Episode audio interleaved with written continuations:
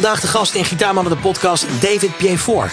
Een Belgische gitarist die al jaren bij onze zuidenburen furoren maakt. Als gitarist bij onder andere de Guy Swinnen Band.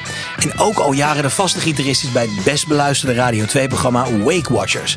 Waarin ze week in, week uit de beste muzikanten van Vlaanderen en daarbuiten begeleiden. Een aflevering vol met wijsheden over hoe je het beste gefocust kan blijven op het podium. De ultieme tip hoe jij een betere gitarist kan worden. En hij heeft een drietal gitaren bij zich en die zijn alle drie bijzonder. Want het mooie is, elke gitaar heeft een verhaal. We praten honderd over gear, YouTube-kanalen die inspireren en natuurlijk veel meer. Nog even een boodschap voor mensen die kijken via YouTube en Spotify. Als je dadelijk denkt, hé, hey, er is steeds maar één camera-standpunt. Die Ed heeft toch meerdere camera's, overal? Ja, dat klopt. Alleen ik was vergeten in de consternatie om op record te drukken. Met als gevolg dat ik alleen de backup stream heb. Ja, dus één camera-standpunt dus, met af en toe wat beelden van de telefoon er tussendoor. Uh, maar dat doet in dit geval echt helemaal niks af aan de inhoud. Dus blijf kijken en blijf luisteren. Rest me nog te zeggen, vergeet niet op abonneren te drukken in je favoriete podcast app of op YouTube. En ram dan gelijk even op dat belletje. Want op die manier blijf je op de hoogte als er weer een nieuwe aflevering online komt. Oh ja, en vergeet niet je kaartje te kopen voor mijn Gitaarmannen, de theatershow.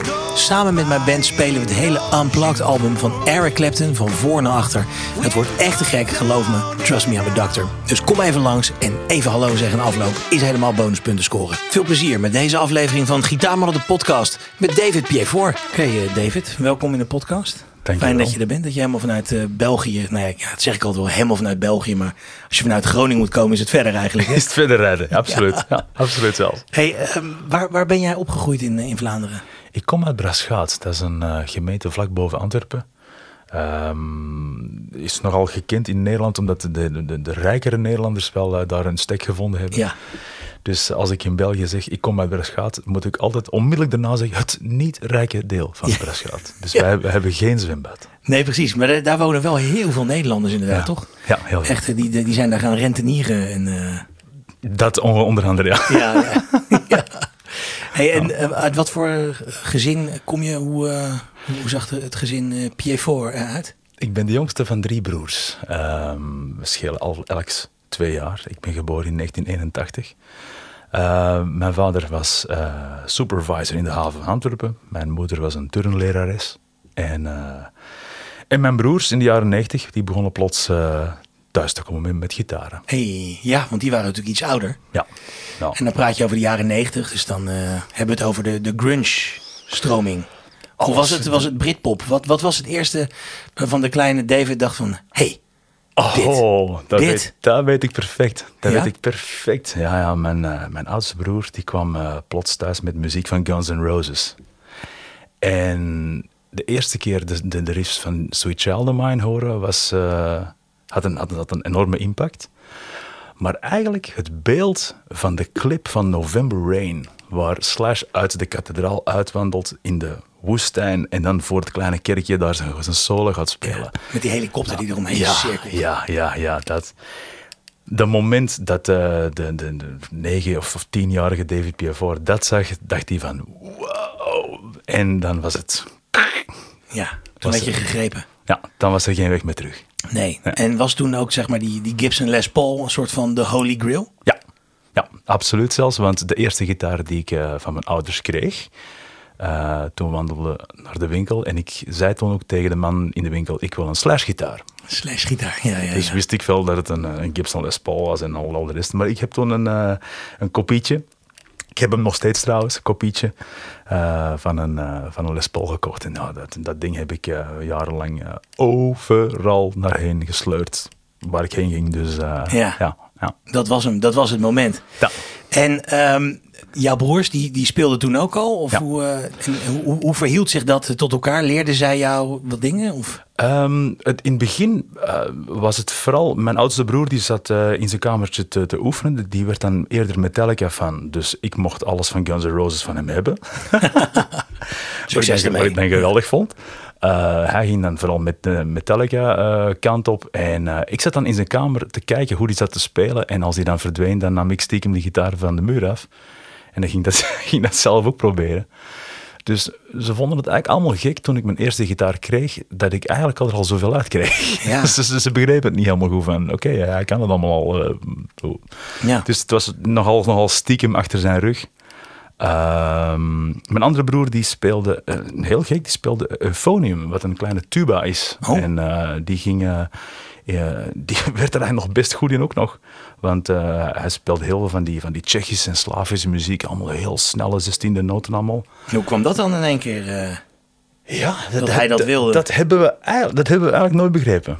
Dus, Nee. eh, hij is echt letterlijk op een dag thuisgekomen, maar ik kies voor dat instrument. En die is daar gewoon in verder gegaan. En Ja. die, die heeft dat gewoon volgehouden tot hij dan papa werd van twee mooie dochters. En dan heeft hij gezegd, oké, nee, ik ga andere keuzes maken. Maar tot dan heeft hij gewoon altijd die richting gekozen. Dus ja, Hmm, Oké.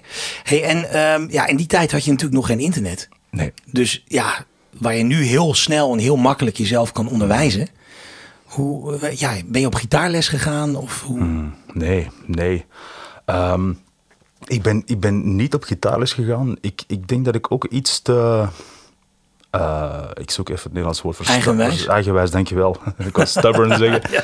Ik was te eigenwijs. En, en ik, moet, ik moet wel even zeggen, in de jaren 90 speelde iedereen wel gitaar hoor. Al je vrienden hadden wel een gitaar en je had allemaal wel bandjes toen. En we waren allemaal met de MTV-generatie mee. En, en we kenden elke MTV Unplugged van voor tot van achter. Ehm, ik, ging, ik ging echt zoeken en zoeken en blijven zoeken. Ik heb cd's stuk gespeeld en, en oh, de frustratie als je dan aan het zappen bent in die cd en je hebt toch net te kort gedrukt en je zat naar het volgende nummer en, en terug. En, eh, verschrikkelijk. Ja. En eh, een van de, van de leuke anekdotes was vooral... eh, wij kijken altijd met onze broers naar Pinkpop, elk jaar. In Nederland 3 zond het dan de hele dag uit. Met Jan Douwe Kroeske, die dan de, de boel Ja. helemaal bijeen, bijeen praat. En, eh, en we namen die altijd volledig op op video.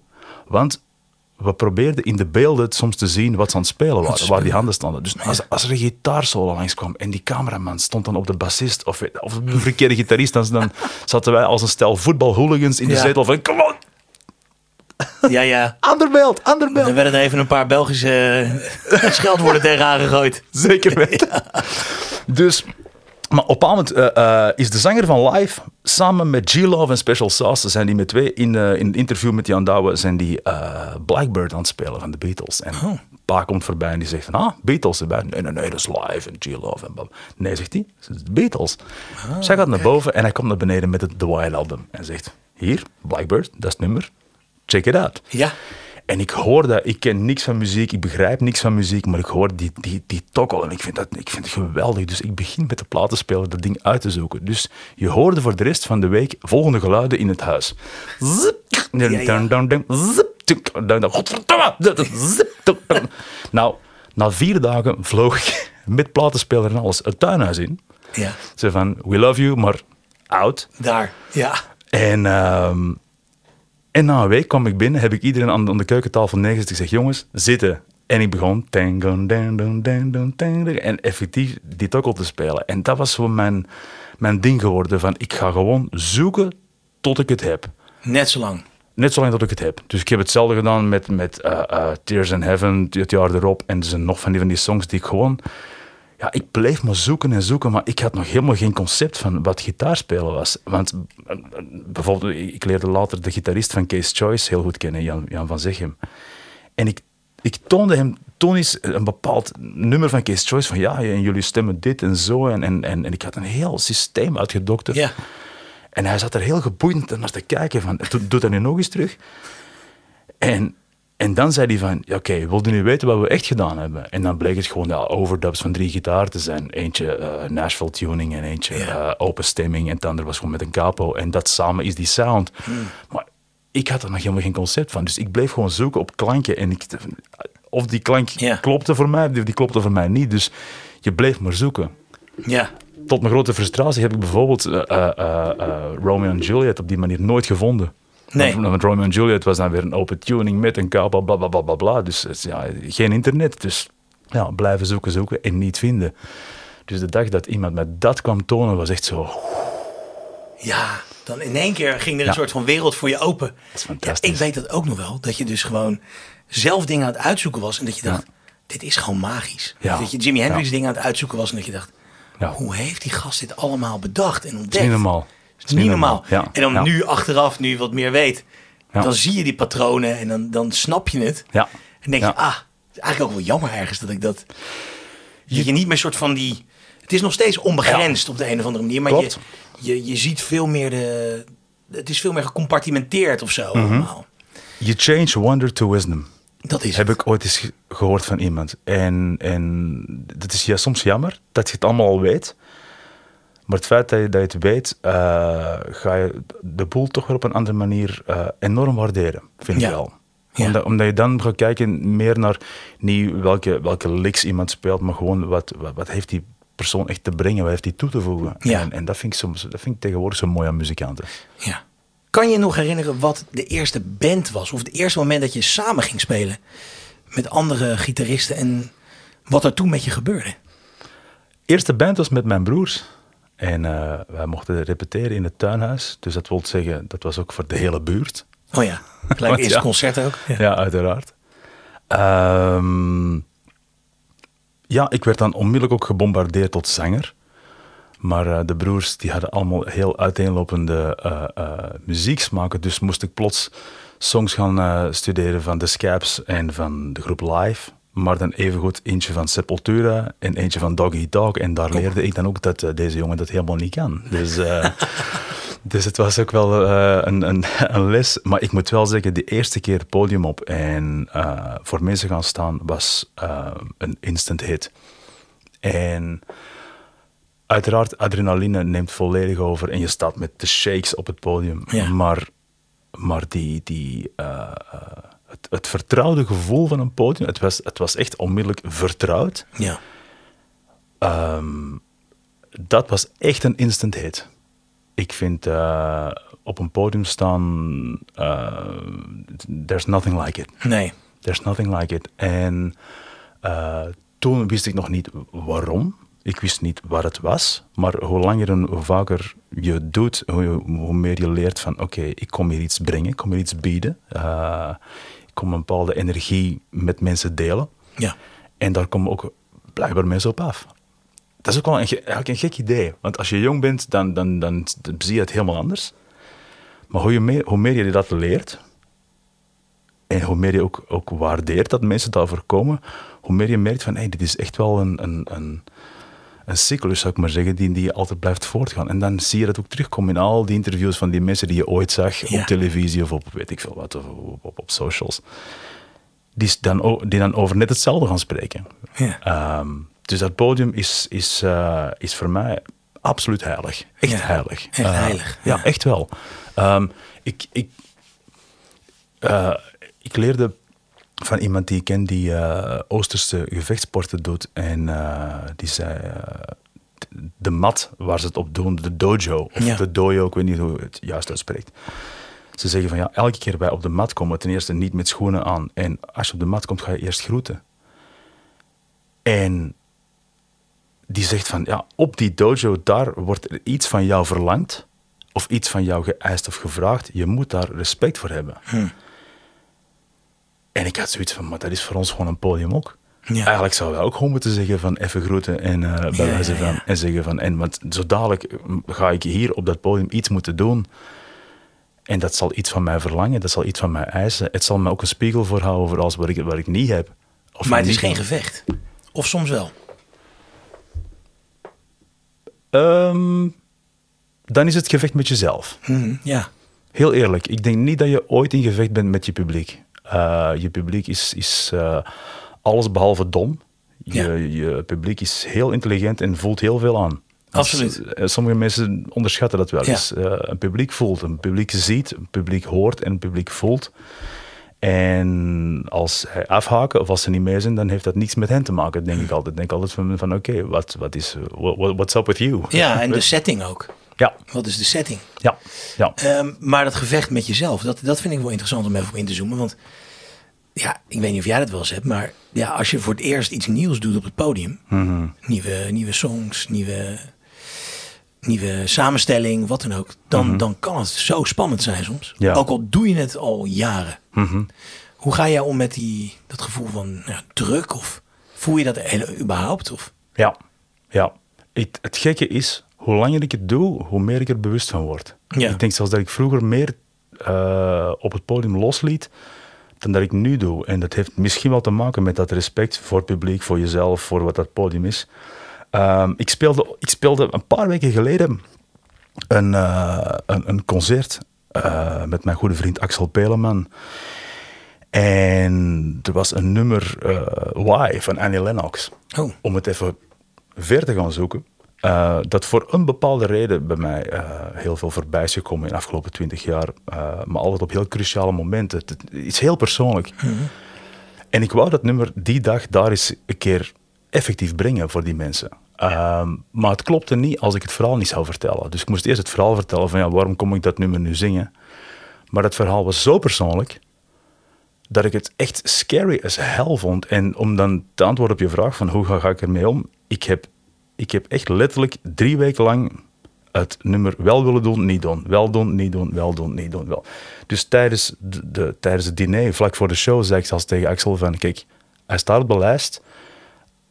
Als ik het niet voel op het moment zelf, dan ga ik nog even knikken en dan gaan we naar het volgende nummer. Dus zelfs tot echt letterlijk minuten voordat het eindelijk eraan kwam, hing het nog steeds in de lucht van, nou, misschien niet. Misschien niet, misschien ja. niet. Nou, ik heb het wel gedaan hoor. Uh, en dat is, dat is ik, ik, ik vind het enorm. Uh, uh, um, het eist echt heel veel van je om zo eerlijk en open te zijn. Maar het gekke is, als je het dan doet, dan krijg je een energie terug van het publiek. Want de gesprekken die daarna gevolgd zijn in de, in de dagen erop van mensen die komen kijken, die komen luisteren, mensen die je wel goed kent, mensen die je niet goed kent. Wat er allemaal van terugkomt, dat is Ja. zo enorm dat je er achteraf denkt van, gelukkig dat ik, dat ik het gedaan heb. Ja, ja. Maar je moet die sprong, je moet toch eerst die sprong doen en, en Mhm. die sprong maken. En ik zeg vaak tegen mijn, tegen mijn eh, studenten, ik zeg jongens, improviseren is eerst in het zwembad springen en dan pas checken of er water in zit. Ja. Ja, dat is een goeie. Ik zeg, het is eerst springen. En you, you just don't know. En soms is het plons en heerlijk. En soms is het plats. En Ja. Ga je gewoon- eh, in de bakkes. ga je gewoon op je bek. En dat hoort er gewoon bij. En is het oké, on to the next. Weet je. Ja.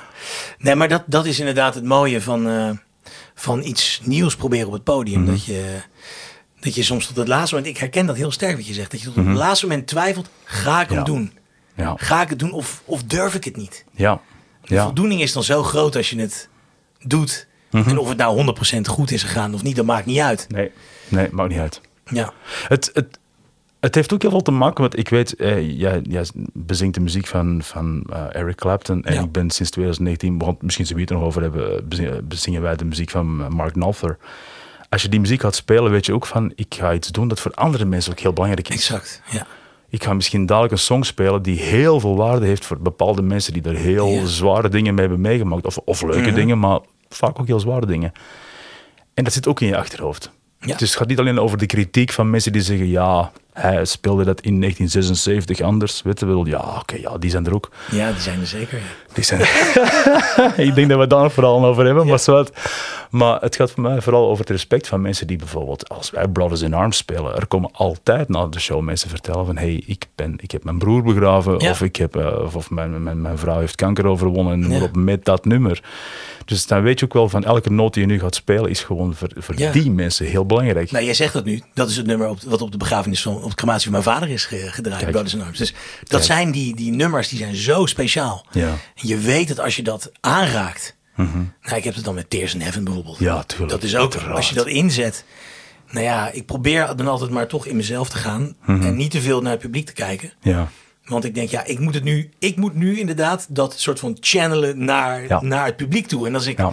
ga kijken en ik raak eh, van de leg, oh, er zit, iedereen zit te huilen. Dan, dan ga je zelf ook mee in die emotie. Ja. Dus Ja. hoe doe jij dat op dat soort momenten? Kan jij dan het publiek waarnemen en dat als een soort van aparte gedachtenstroom Hmm. eh, laten, laten bestaan? Terwijl je aan het spelen bent? Nee. Nee.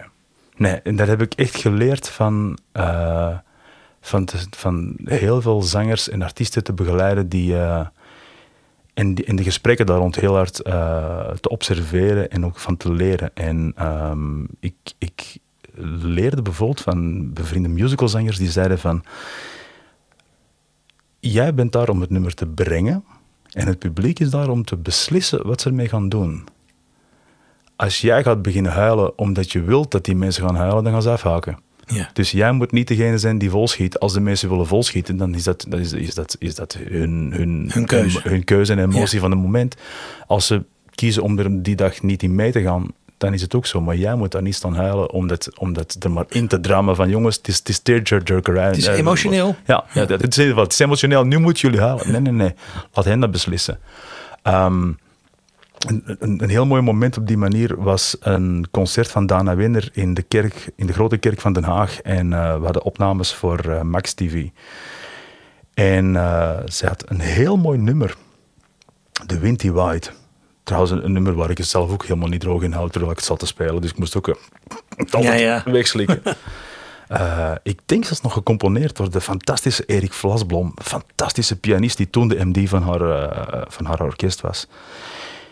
En ze begint het daar te zingen en binnen de drie zinnen staat de hele band echt naar elkaar te kijken van oh oh, hier is iets aan het gebeuren. Ja. Hier is iets aan het gebeuren. Dit is, is anders dan anders. Ja. En we geraken nog maar halverwege het, het, het, eh, het refrein en ze stopt. En ze, ze stopt, ze doet teken van, oh jongens, camera's af. En ze gaat even weg. En, eh, en we hadden allemaal zoiets van, ja, de haren stonden bij ons overal omhoog van, wauw, wat gebeurt er hier? Ze komt terug uit de smink, want ja, hij moet even terug aan moment. Ze was effectief, de tranen liepen rond eh, over haar gezicht. Dus ze, ze kwam terug en ze zei van, dames en heren, kijk, dit nummer uiteraard gaat over mijn vader. Dat weten jullie allemaal. Dus als ik dit zing, moet ik naar een andere plek gaan. Dat ik het nummer kan brengen. En ze zei, ik ben het gewoon vergeten. Ja. En vond ik zo mooi. Vond ik zo mooi. Dus ze zei gewoon zei van, ik ben het vergeten. Dus ik was effectief zelf Ja. aan het beleven wat ik aan het zeggen was. En ze zei, ik raak er niet door. Nee, dat lukt dan niet. Uh, dus dus ik, ik, ik, je- ik probeer van die emoties te, te... Wat je net zei, ik vond het heel mooi, channelen. Ja. Je channelt dat, omdat jij hebt natuurlijk een, een, een, een- een beeld of een idee van wat dat nummer moet zijn, maar dat publiek moet het ontvangen van jou. Ja. Dus die horen niet Clapton, niet, niet Nolfer, niet weet ik veel wie dat ooit gedaan heeft, waardoor dat wij het gaan spelen. En die horen ons. Dus nu moeten wij het op een manier brengen waardoor die mensen zeggen, wow, Ja. wat is dit? Wij moeten het zo brengen dat de, de ontvanger, zeg maar, het publiek, Ja.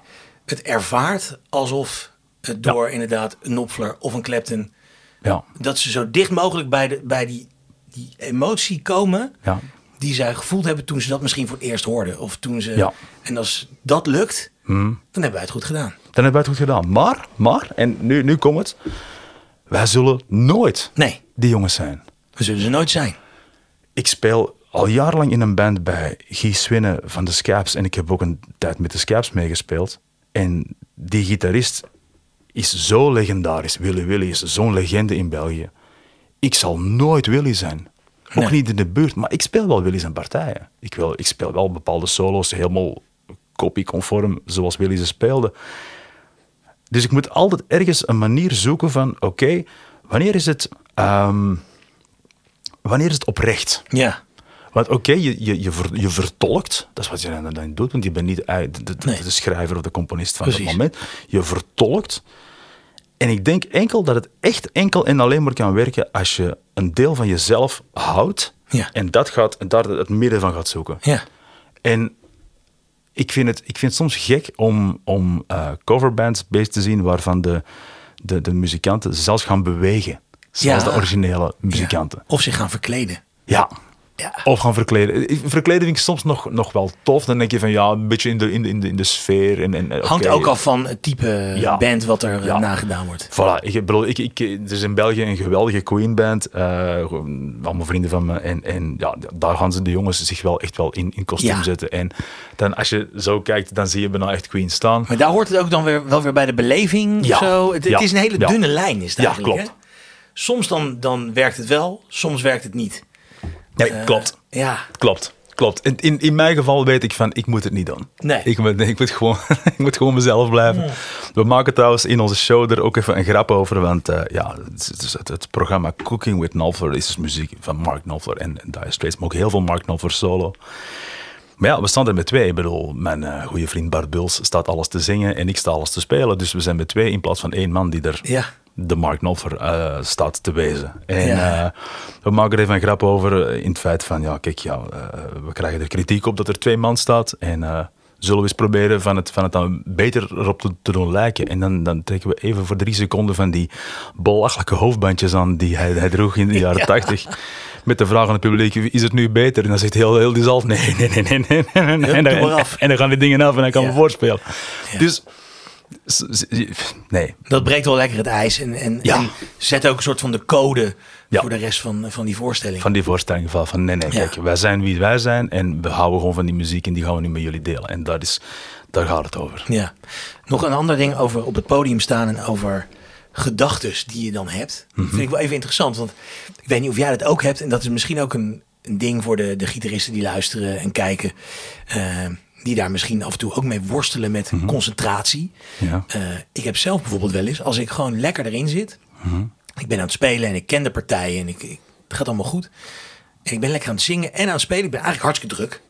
Ja. Maar dan dwaalt toch die gedachte af en denk ik, oh, de hagelslag is op. Ik moet echt van de week even hagelslag komen. Ken jij dat? Dat je een soort van, er is nog een soort derde stroom, waarin je eigenlijk gewoon een soort van vrij kan rondlopen in je hoofd. Ja. Hoe zorg jij er dan voor dat je toch erbij blijft? Want ik heb dus al een paar keer gehad dat ik dus inderdaad in zo'n rare gedachtenkronkel zat. Ja. En in één keer soort van weer een soort van indaalde in mijn lichaam, als het ware. En dacht van, "F- waar ben ik? Ja, waar zit ja. ik in het nummer? Weet je wel? Eh, waar zijn we? Waar zijn we? of Ja. wat. Je gewoon echt denkt een soort. Dat is dan juist de angst. Ja. zo. Ja. Hoe ga jij daarmee om? Herken je het überhaupt? Ik, ik herken het. Uiteraard. Ik heb, eh, ik heb jarenlang theater gespeeld, eh, muziektheater gespeeld, eh, een, een, familieprogramma. En eh, ja, dat was natuurlijk 30 keer die show, 40 keer die show. En eh, als je dus aan eh, voorstelling 23 bent, dan is alles op dat moment zo vastgelokt eh, en zo vastgezet. Ik, eh, ik herinner me zelfs nog dat er eh, eh, na een nummer moest ik mijn gitaar aan mijn collega afgeven. En zelfs als dat nummer gedaan was, dan ging gewoon blind die gitaar de lucht ingooien. En, en hij ging gewoon blind zich al omdraaien. oh, zich al blind omdraaien en die gitaar pakken. Dus het was zo gelokt dat, het, dat we er niet meer over nadachten. Nee. En dan gebeurt het wel eens dat je, dat je dit zo op automatische piloot heel dat ding afgaat, dat je, dat je aan het ontdenken bent op het podium van, heb ik nu thuis mijn raam laten openstaan? Ja, dat. Of Ja. niet? En denk je, oh shit, is dat nog open? Hè? En dan heb je na getwijfeld van, zou ik even gaan checken? Nee, dat gaat niet. Ehm, ik, ik roep mezelf er, er echt wel, wel heel de tijd terug bij, omdat ik... ehm, I really don't take it for granted Nee. spelen live, ik heb nooit een moment gehad dat ik dacht van, we zijn er. Kijk, ik doe dit en we zijn er en ja, ik Ja. ben muzikant.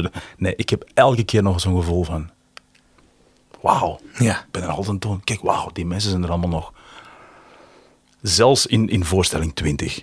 Ehm, ik ben zulke fan van instrumenten, ik ben zulke fan van klinkende muziek, dat ik eigenlijk altijd met, met dat- de volgende noot, het volgende akkoord, het volgende klankje, weet ik veel wat. Ik, ik ben daar al naartoe aan het werken, alsof je door, door, door de jungle struik per struik je vooruit Ja. kapt, zou ik maar zeggen.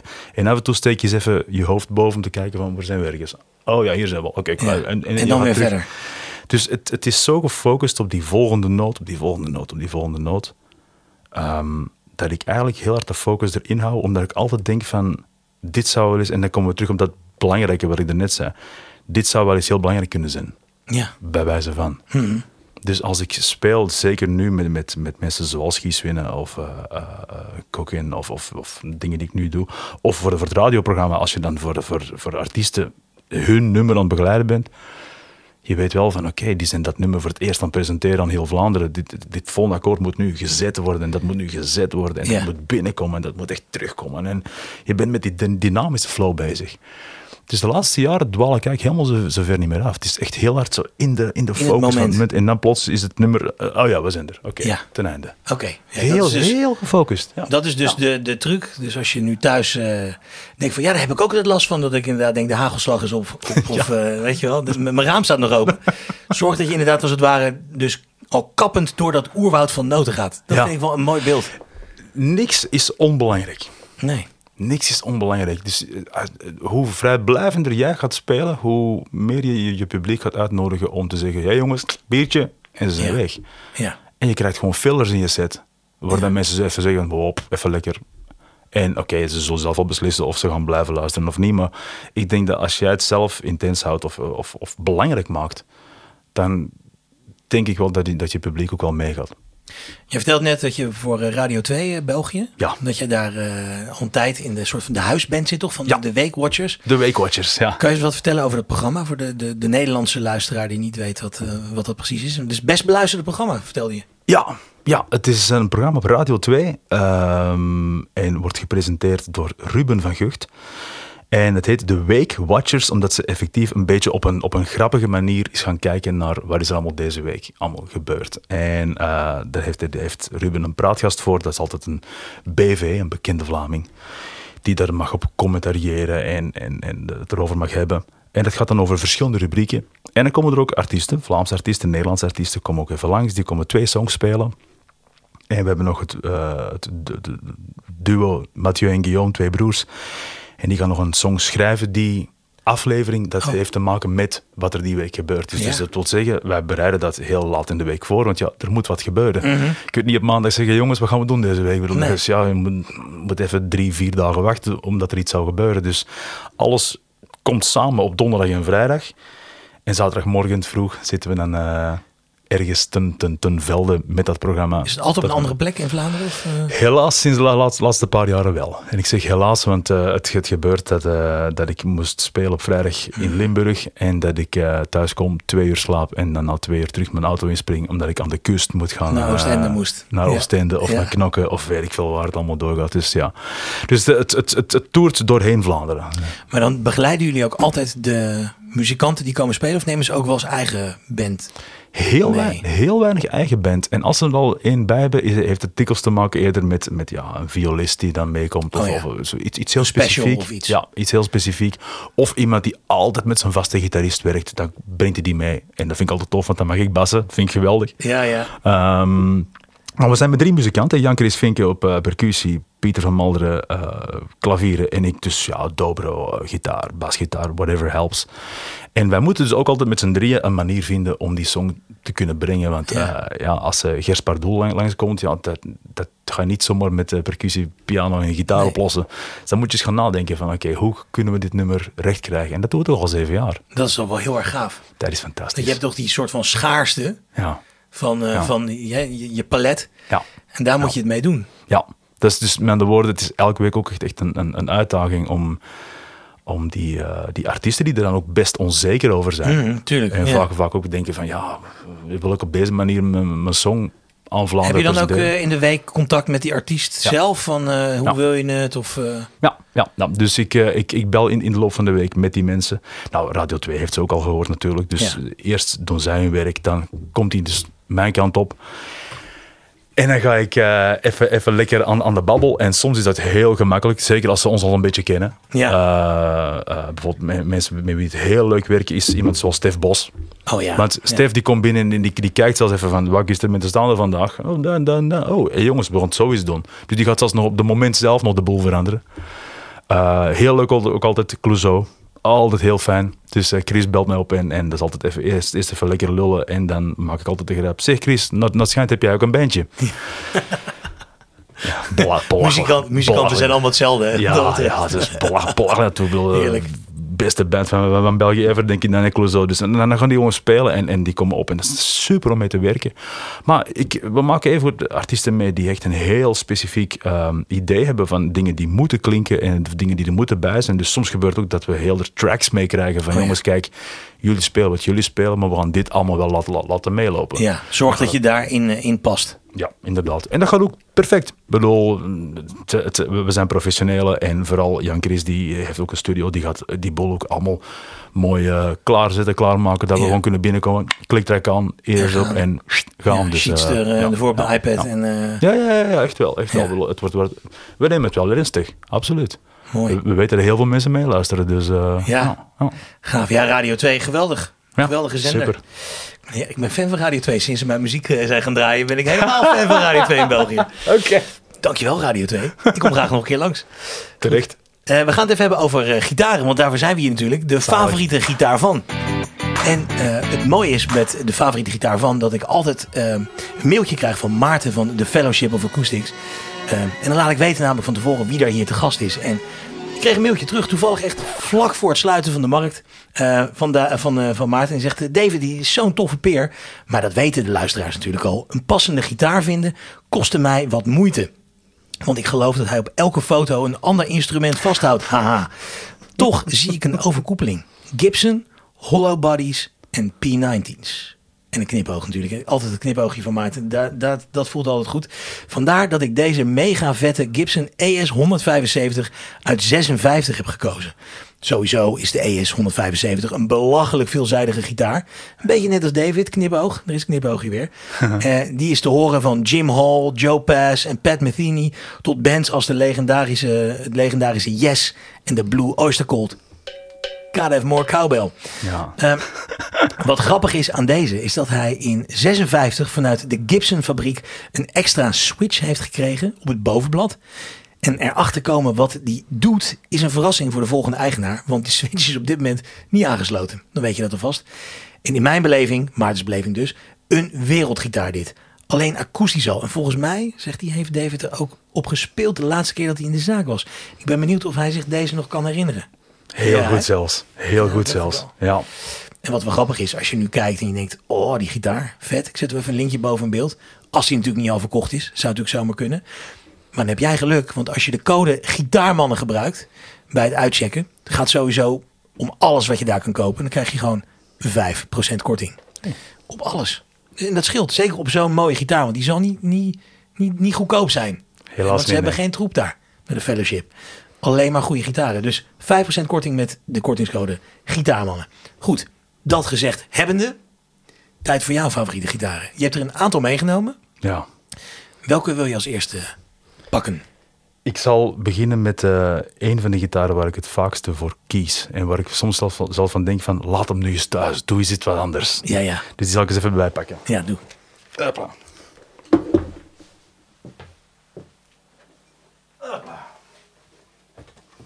Oké. Kijk, Duesenberg.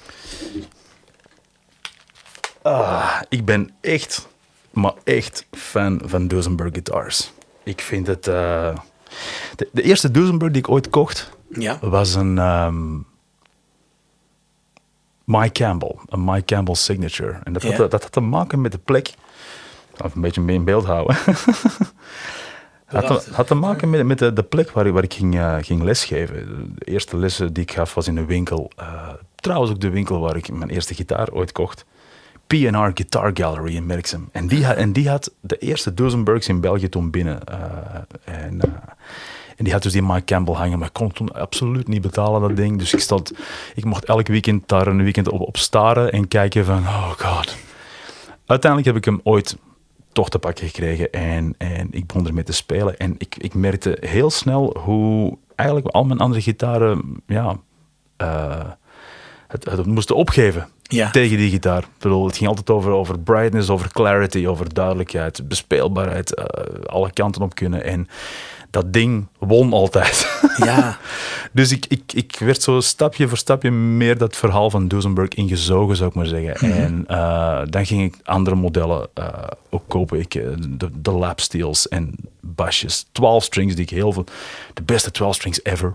Echt waar. Je neemt dat, je neemt dat ding, je zet je kaap op 7. Je retunt niet, je doet rang. Dat ding staat eh, gewoon gestemd.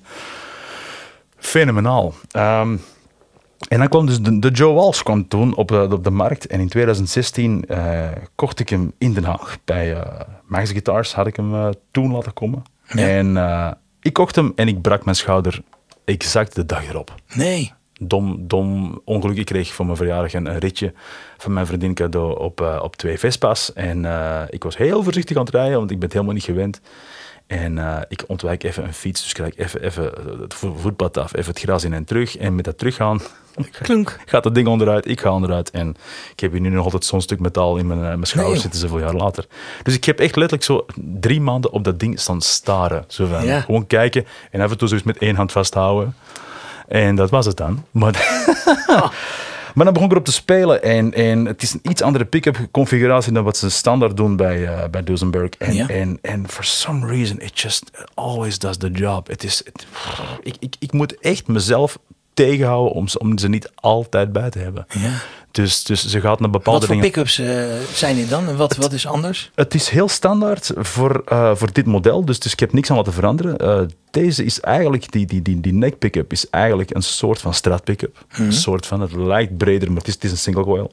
Oké. En de brug pick-up is hun versie van wat het dan Filtertrons of zo zouden zijn. Iets in die geest. Maar het is natuurlijk wel eigen makelij van Duesenberg. Dus, en, en ja, er, er, is, er is iets aan aan dit instrument. By, by the way, de beste eh, vibratos ever. Eh, zo zacht en gemakkelijk en, en in tune en alles op en eraan.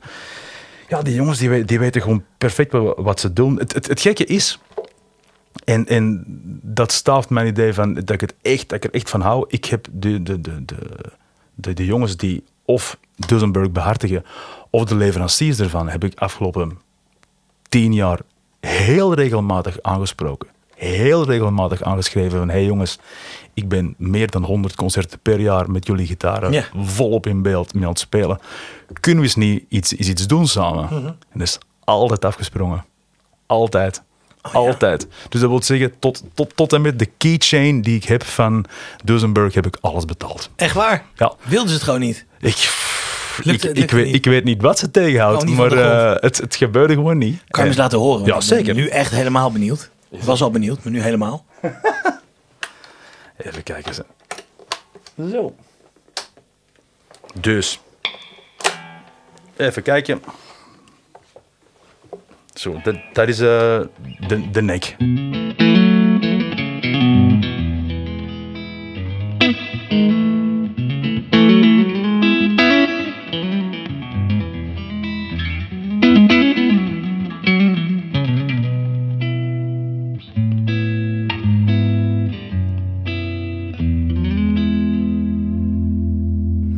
Warm. En, eh, maar ook inderdaad toch die, die, die twinkle of Ja. iets. Ja. Ja, echt wel. En dan. Niet zo van... de Nee, nee het, het slaagt niet dicht. En, en eh, eh, ja, ook, ook het, het, hetzelfde, hetzelfde met die, met die, met die brugpick-up.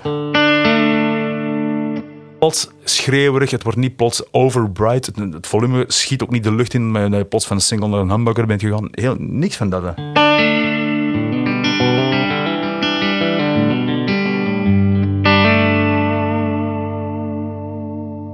Dus het is gewoon, eh, gewoon een heel bruikbare sound. Ja. Eh, eh, niet per se een karaktergitaar. Niet per se. Ik heb andere instrumenten die, die, ja, weet je, die, die hit the spot right away. Zo'n een, een, een SG met 1 P90, ja, dan is het direct paf. weet Dat is die sound en dat, is ook, dat, dat overtref je niet. Maar het is ook wel dan alleen maar dat ding. Alleen dat. Ja. Ik kan met dit mijn hele concert uitspelen. Ik bedoel, bij Swinnen eh, ben ik nogal gekend voor heel veel gitaar te switchen constant. Eh daarmee dat ook eh Maarten zei van ja, elke foto dat je ziet heeft hem er een andere vast. Dat klopt, ik heb zo'n rekje bij en ik dwing mezelf om, om ongeveer binnen dat rekje van zes te blijven. En Ja, ja. dat, dat, dat vooral met de dom. Maar als ze morgen zou, zou zeggen van kijk David, één gitaar. We moeten de vlieger op, één gitaar en, en zie maar dat je trekt. Dan gaat zonder nadenken deze mee. Ga die mee. Ja, zonder nadenken Dat is zelfs. gewoon de go-to Absoluut. plank. Absoluut zelfs. Ehm, en het, het enige wat tegenwoordig dat idee van deze gitaar van mij overtreft, en dat heeft te maken met waar ik het laatste jaar heb meegemaakt, is, is Paul Reed Smith. Dat zijn de enige gitaren die, die mijn, mijn, mijn attentie soms wegtrekken van die Ja. Duesenbergs. Ook die, eh, die, die John Mayer, eh, wat is het? Eh, Silver Sky? Silver Sky, ja. Die ook, absoluut zelfs. Ik, eh, ik heb het ongelooflijke geluk gehad eh, om vorig jaar in oktober de vraag te krijgen van Dijkmans in Breda om de clinic van Paul Reed Smith zelf eh, mee te hosten. Dus, ja, want hij was, hij was eh, een toertje aan het doen, hè, Paul ja, Reed Smith. Ja, en dan kwam hij effectief bij de Fellowship of Acoustics en dan daarna reed hij gelijk door naar Dijkmans en ging hij daar zijn ding doen. En eh, dus toen heb ik echt de man naast mij zien en horen vertellen. eh, ja, wat een, wat, wat een mens, wat een energie, wat een, Ja. wat een, wat een legende. Ik bedoel, We kunnen het niet meer gaan vragen aan Leo Fender, we kunnen het niet vragen aan Orville Gibson en, en ook niet aan Ted McCarthy. We, kunnen al die mensen niet meer spreken. Maar Nee, hier hij is er nog. Ja, ik kan zeggen, he's there, de, de man Ja. zelf. Dus die verhalen die hij vertelde en de manier waarop en, en de energie dat hij had. Nou, ik, ik, en, en by the way, bless him. Eh, op het einde van de rit had hij nog even een interview met, eh, met Jan Willem van, van eh Dijkman zelf. En, en ik zit achter de, de- de, belichting van de camera's nog even mee te luisteren. En plots zegt hij tegen Jan Willem: Oh, by the way, Jan Willem, geef, geef David dat ene pedaal. Dus hij, hij kwam nieuwe pedalen voorstellen. En een van die pedalen zei, geef, geef. En hij zegt tegen zijn execu- executives: Guys, eh, I'm paying for this one. It's, it's on me. I'm paying. En ik zit daar echt zo van, heb ik nu net een pedaal gekregen van, van, van Paul Reed Smith? Zo, what the... And It was right. En, en, en ah, dat was zo fantastisch. En dan, dan, ben ik, dan ben ik die gitaar toch eens echt een kans gaan geven. Ben ik echt heel veel teruggereden.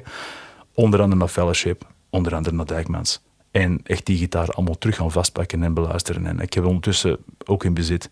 Uh, en I'm, I'm starting to get it. Ja, ja. De, de Silver Sky of een andere PRS? Beide.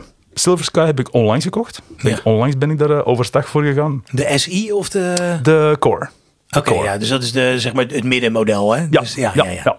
En, ehm, en een DGT, eh, David Grissom Tremolo. En dat heeft Oh, ook heel veel te maken met eh, een, een goede vriend van me die al mijn pedalboards maakt en vermaakt, Yuri Francis. Van Lord Riffenstein, zo heet zijn eh, bedrijfje. en, en die speelde al een tijd op een DGT en die zei al van, jongen David, dit is, dit is, dit is andere koek. En effectief, dat horen en, en beluisteren en bespelen was wel van, oké, dit, dit is effectief andere koek. Dus als er één gitaar is die nu de, deze aan het challengen is, is het effectief al die, die DGT's. Van, hmm, daar zou ik het ook wel op kunnen, een heel lang. Maar is dat dan ook de... Wat, wat houd je dan misschien nog tegen? Het uiterlijk of zo? Of is het- want dat is toch wel wat je vaak een beetje hoort. Dat mensen denken, Ja, ja, ik hou ervan of ik hou er niet van. er, zijn- er, er zijn zoveel politics in, in gitaarlandschap. Het is, een beetje, het is een beetje hetzelfde met wielrennen ook, hè? Ja. Met eh, wel of geen witte broek onder je wereldkampioenschapstrui. Je, Klopt, ja. Dat soort, Ja, eh, dat ja. soort discussies. Ja, echt wel. Maar, maar er zijn heel veel politics. En Ja. Er, er is iets, er, hangt ook zoiets rond PRS. Er hangt ook iets rond John Mayer. Zeker in België. Eh, Hij is niet helemaal niet zo bekend in België, begrijp nee, ik. nee. En Dat is grappig. Of nou, grappig. Apart. Dat is apart. Ik wou het zeggen, want iedereen in België rijdt dan massaal naar de Ziggo Dome als hij dan afkomt. Hij komt trouwens weer. Solo deze keer. Ik heb, solo. ik, heb, ik heb gisteren gezien. eh, Ja. Eh, kaartjes. Je hebt al kaartjes? Ja, ik, ik, ja. Moet, ik, moet nog, eh, ik moet er nog achter. We, we waren aan het kijken in de front rows en de prijzen waren echt Niet normaal. Het is niet normaal. Dit terzijde. Ja. Maar eh, eh, nee, Silver Sky, ook zeker in België, wordt, het wordt vooral, vooral eerst gefronst. Zo van, Ja. why? Ja, kijk, hij heeft natuurlijk een beetje die beef gehad met Fender, begreep ik. Ja, Waardoor die natuurlijk een soort van... want die wilde eigenlijk niet ehm, maken wat hij wilde, geloof ja, ik. komt het op neer. Een soort van een ja. modern take on, on de, de Strat. Ja, ja. En nou, dan ga ik toen naar Paul Reed Smith. ja, en die wou dan wel. Ja. En, eh, Heel slim. maar eigenlijk helemaal los van die kerel zijn naam. Je, bij mij is het gewoon gekomen door die, door die instrumenten regelmatig eens terug opnieuw vast te nemen. Ja. En toen denk je van, oh ja, ja, oké, ja. En weer terug weg. En de volgende keer weer terug. Oh ja. En, en elke keer bleef het van, hmm, hmm, hmm, hmm. En het, zit hem uiteraard allemaal in details. Ehm, want, Het schijnt dat die SI, die is geloof ik 900 of zo, Ja. eh, staat die te koop. ja, Dat die verrassend goed is. ja, die is ook echt verrassend goed. Ja. ja. Dus Van mijn- gisteren een comparison zitten kijken op, op YouTube. Oké, En toen dacht ik van, oh wauw. Ja. Oh ja, want ik heb, ik heb, het, nog, ik heb hem nog niet. Eh, maar ik wil hem wel heel graag. Want ik ga volgend jaar niet verder vertellen. Ga ik uh, Gitaarmannen 3 doen. oké, John Mayer ding. Theaterprogramma. oké. ja, ja, ja, ja. Dus dan, ik moet me wel een beetje in, in Dungeon gaan eh, verdiepen Gaan natuurlijk. verdiepen. Ook, ook qua instrumenten. En dan kan die Silver Sky natuurlijk niet ontbreken. Een, een, een vraag die ik erover heb. Waar moet ik solliciteren voor backup gitaar te komen spelen? Ja, nou ja. waar, waar moet ik solliciteren? Met- nou ja. Wie weet, wie weet, eh, David. Het- zo. Het, het, Nou, het programma zelf eh, ik kom zien, sowieso. staat nog niet. Het, het is alleen... Ja, ja, natuurlijk. Wat een idee, jong. Ja, Geweldig. ja, Geweldig. en het wordt niet alleen John Mayer, maar het wordt ook de, zijn invloeden. Oké, wauw. En dat dan weer koppelen aan van, ja, we zijn ongeveer even oud. Ja. En dat zijn ook weer mijn invloeden. En weet je wel, waarom Ja. vind ik hem nou zo goed? Nou, dat komt waarschijnlijk daardoor. En daar, die, die lijnen, die lopen. en eh, ja, ja. Dat, dat is wel Oh, leuk om eh, schitterend. te, on- te onderzoeken. Dus ja, dan moet zo'n zo'n Silver Sky natuurlijk ook in het arsenaal. Denk het wel, ja. Ja. Denk het wel, ja. ja. Dus ja, die SI, als ik dat dan zo zie en hoor. Mhm. Nou, om te beginnen, ik hoor geen verschil. Nee, klopt. Ehm er staat een filmpje van Mary Spender. Ik weet niet of je Oh, ja. ja. Ja. Die heeft, eh, Ja. heeft het heel mooi, heeft ze dat naast elkaar gezet. Oké. Hetzelfde liedje spelend en dan AB'en, weet je wel. Ja. Tussen de, de echte dure Ja. ehm, Ja. eh, Silver Sky en dan die SI. En het enige wat zij volgens mij als verschil aangaf, was dan de, de, de nut. Oké. Die is dan van kunststof. Ja. Waardoor dat, dat, die is niet zo stabiel. Oké. Ah, oké. Dat en was dat, een dat is een soort van voor haar de echte grote... Oké. Maar qua klank en qua spel, ze vond zelfs de hals vond ze lekkerder voelen dan... eh, Dan de core, ja. Ja, volgens mij was het niet de core, maar de die S2. zat- is echt die hele duur had. Ja, ja oké. Nou, het, het, het ding is eh, altijd met instrumenten, en, en daar ben ik bijvoorbeeld, ik, ik, blijf graag refereren naar de Fellowship of Acoustics. Als je de kans hebt om die dingen te gaan voelen, die dingen te gaan voelen en, Ja. en die te gaan. Met YouTube-video's, ik ben er ook verslaafd aan, ik, ik zie ze ook allemaal. Maar ik moet die dingen gaan vastnemen, ik moet die dingen gaan voelen. En dan plots wordt er zoveel meer duidelijk Ja. van hoeveel moeite moet je nu eigenlijk doen om iets uit dat instrument te krijgen. En hoe voelt dat en hoe word jij gechallenged om iets te- te gaan spelen? En helpt het instrument of werkt het tegen? Tegenwerken is soms ook tof, want een beetje struggle is ook niet, niet altijd erg. Nee. Eh, ik, ik ben een dobro-speler. Dobro's zijn alles behalve gemakkelijke instrumenten. Ehm, niet al, altijd alles moet als een Formule 1-wagen zichzelf lanceren. Soms moet je gewoon eens even wat, wat, wat werken om iets uit een instrument te krijgen. Dus de vraag is gewoon altijd van, oké, eh, eh, ga, gaat dat ding voelen, gaat dat ding vastnemen? En dankzij plekken zoals de Fellowship heb ik, heb ik daar ongelooflijk veel dingen in geleerd. Dat bijvoorbeeld evengoed gitaren van, nou ja, 6000, 7000 en meer euro's niet altijd heilige gralen zijn. Nee, klopt. Ja. En je, soms, soms krijg, krijg, krijg je, ik weet dat dat ik Rudy vaak zo zeg van, Rudy, leg het uit. En leg het me uit. Ik heb hier drie, dezelfde, drie versies van dezelfde gitaar vast.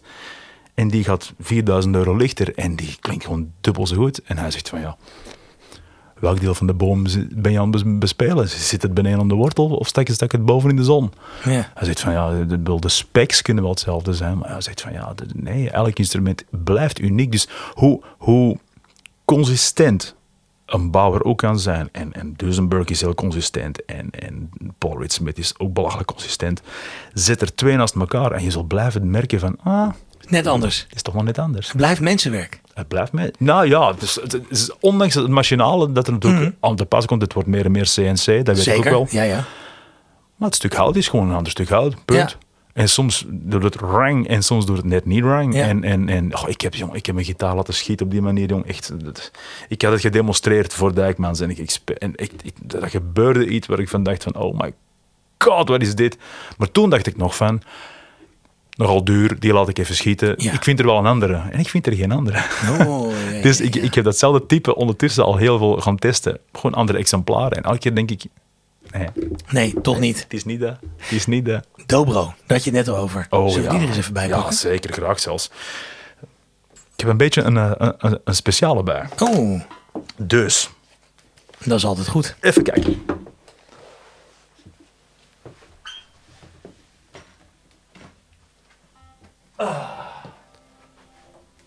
Kijk eens even. Wow. Ik kan hem even eerst even zo houden.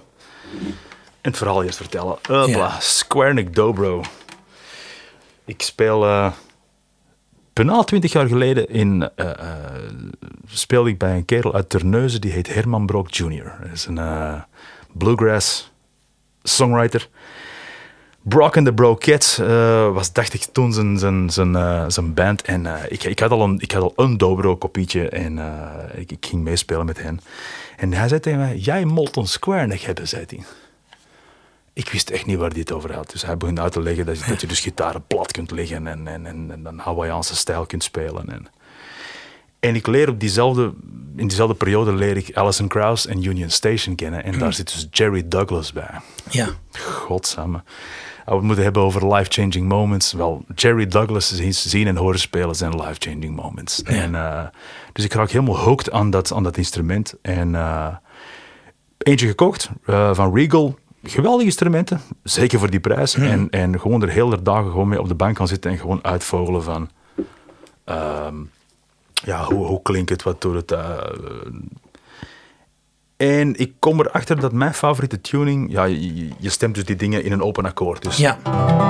elk, elk instrument heeft gewoon een, een, een, een, sound als je het gewoon niet indrukt en, en speelt. Ja. En ik kwam erachter dat de tuning eh 151, 351 eh, mijn favoriete tuning is. Ehm, van alle versies. Want eigenlijk in Bluegrass doe je eh, effectief 135, 135. GBD, Ja. GBD. Dat is eigenlijk de, de tuning van Bluegrass instrumenten.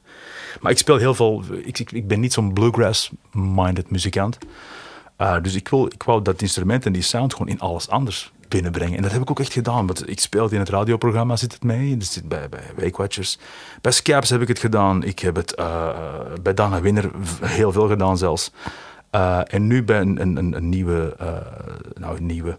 Bij een zangeres waar ik bij ben gaan spelen. Die heet Ina Rose. Geweldige country songwriter. Jong meisje met pakken vol talent. Ja. Um, maar ja, dat zijn natuurlijk grotere akkoordenschema's dan enkel maar uh, 1, 4, 5 en bluegrass Ja. spelen. Dus het is, het is altijd die tertsen in die, in die, in die tunings. Ja, elk mineurakkoord moet je dan gewoon zoeken van hoe kom ik er omheen, hoe kom Ja. ik er omheen. Dus je moet het wel uitvogelen. Dus ik kwam bij deze tuning terecht. Maar, nu komt het verhaal. Ik had een, een heel goede dobro gekocht bij de Fellowship of Acoustics. ik blijf er altijd terugkomen bij Rudy. 5% korting mensen. Ja. Ja, ja. ik, moet, ik moet niet veel moeite doen om, om dat altijd te vermelden, want dankzij Rudy heb ik heel veel geleerd. Trouwens, het is Rudy die me toen gebeld had van hey, ik denk dat ik een shearhorn, dat is zo wat een beetje de heilige graal bij de, bij de Square Enix, ik denk dat ik een shearhorn ga binnenkrijgen binnenkort. En, uh, dus die belde me er al voor op, Slim, Oh, ja. slimmerik. Uh, dus ik Het is, ook een handel, het is ook een zakenman, hè? ja, toch wel. Ja, Dus dat-. Hij, wist, hij wist wie die moest bellen. Eh, volgens mij heeft hij mij gebeld en Bertolf en eh, nog een paar van, van die jongens. Ja, dus, ja. dus ik denk, ja, oké. Ja. Dus ik ben erheen gereden. Ik heb effectief dat ding gekocht. Ehm, en eh, ik was bij Dana Winner aan het toeren en ze had een song en die stond in, in, in Daar moest ik die dobro heel laag vertunen, om dat, om dat 151, 351 tuning ding te kunnen gebruiken en heel natural te kunnen spelen naast daar. Maar de snaren stonden zo ontspannen, zo los, dat het eigenlijk, ja, de punch ging eruit. Uh, tuning werd al moeilijker, want ja, je ging die, die snaren al sneller indrukken. Ehm, dus ik sprak met een, een, een, een Belgische uh, gitaarbouwer, Wouter Matelin, en ik zei van, Wouter, ik heb eens, ik, ik heb eens een, een, een idee. Zeg, zou het kunnen bestaan dat er gewoon een dobro is dat die tuning uh, lekker vindt? Dat wil zeggen, ik wil drie dingen hebben. Ik, ik heb drie maatstaven. Eén, punch. Het mag in die lage tunings een punch niet verliezen. Twee, druk, snarendruk. Ik moet nog altijd die, die, die slidebar op die snaren kunnen Ja. leggen zonder dat die helemaal... Dat hij gelijk op die frets hangt. Ja, vooral dat Ja. hij gelijk beneden hangt. Zeg, en drie, ehm, het moet nog altijd schieten. Het moet knallen. Het moet eruit komen. Het moet niet Ja. blijven plakken in dat instrument. Dat zijn mijn drie maatstaven. Ik zeg, zou dat kunnen? Dus Wouter had zoiets van, weet je wat? Ik ga rekenen. Dus we gaan enkele maanden overheen. Ik denk, denk twee maanden of zo. En uh, hij had blijkbaar ondertussen en berekeningen zitten maken en had ook gebeld met Paul Beard, de, de, de, de, de man van de Square Enix Dobros in Amerika. Mm. Uh, Paul Beard Guitars. Um, en hij zei, ik denk dat het kan. Oh. Hij zei, ik heb ook twee voorwaarden. Eén, we zetten er geen tijd op. Dus ik wil niet onder tijdsdruk dat ding beginnen maken. Zeg, Ja. Het zal klaar zijn dat het klaar is. En twee, het is een experiment. Ik beloof niks. Ik zeg, alright, let's do this. Ja, ja. Dus uh, Wouter die begon eraan en uh, ja, we begonnen heel veel over en weer te, te, te, te mailen van oké, okay, toch iets van eigen elementen binnenbrengen. Want hij wou misschien nog ja, de, de, de, de, F gaten, misschien een D en een P van David P4 of wil je ergens je naam in de hals? Ja. Nou, ik heb het uiteindelijk gekozen om helemaal gewoon niks van Niks. mezelf erin te steken. Ik heb zoiets van laat dit maar gewoon bestaan en als ik straks niet meer ben of, of, ik, of, of ik heb het niet meer in bezit, laat het gewoon maar zijn eigen leven leiden. Ja. Het hoeft niet Oh, gekoppeld aan mijn naam zijn. Dus we gingen met de Scaps op tour, uh, een theatertour, en letterlijk drie dagen ervoor krijg ik een berichtje. Ze is klaar. Dat was gewoon. Ze is klaar. Kijk. Dus ik ga erheen en uh, ik kom bij hem binnen en, en ik, ik zie dus dit, dit, dit prachtige ding dat ik hier dus nu vast heb. Dat uh, zie ik daar staan en uh, ja, het, het, is gewoon een real sight for sore eyes. Hè. Bedoel, hmm. dit, dit, moet ik gewoon op het podium gewoon maar recht zetten en mensen hebben al zoiets van holy shit. Ja. Dus wat heeft hij gedaan? Het is natuurlijk een veel grotere scale length dan een, een standaard uh, dobro. Het is ook een heel dik instrument. Ja. Want, want ik moet het, ik moet het plat, punch. ik moet het plat leggen, dus, dus het, het, het komt heel hoog. Uh, ja, heel aparte snaren, uh, diktes die ik ook allemaal custom moest gaan bestellen bij uh, de Guitar in Antwerpen, die dan gelukkig zoiets konden doen voor mij, als, als custom gitaarsnaren van yeah. lengte en dikte. En ja, dan kwam zo ja, het, het, the moment of truth. Ja. En uh, dus ik nou, lang kijken, kijken, draaien en, en, en, en, observeren. Legde het ding neer. Ik stak mijn, mijn, mijn, mijn piks aan mijn vingers en uh, ik begon de eerste noten te strummen. En dat was... Ja. Ik was zo geëmotioneerd ervan. Ik begon ter plekke te huilen. Oh, wauw. Ter plekke. Kan je eens laten horen? Ja, zeker. Ja, daar gaan we. Eens kijken. Dus als ik dat ding nu inplug live en je zet daar een beetje reverb op en uh, het volume gaat omhoog, jongen, dat is ah ja, zo apart en zo mooi. Eens even kijken, ik kan even mezelf een, een prachtig, beetje, prachtig instrument. Dat is waanzinnig. Ach, Wouter heeft er echt zo'n goede job op gedaan. Hopla. Eens kijken, ik hoop dat hij mooi in tune is. Even kijken, hier gaan we.